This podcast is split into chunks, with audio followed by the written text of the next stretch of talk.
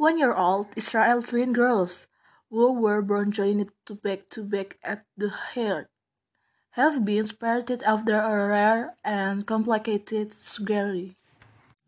The sister, whose names were not provided, underwent a 20-hour operation at Soroka Medical Center in Beersheba, Israel last week. The procedure was extremely rare, the hospital said in statement on Sunday, and came after months of preparation. Following the operation, the twins can now face each other for the first time since they were born in August last year. This is a rare and complex operation performed so far in the world only about 20 times, and for the first time in Israel Mike Gideon, the director of pediatric neurosurgery at Soroka Medical Center, said in a statement.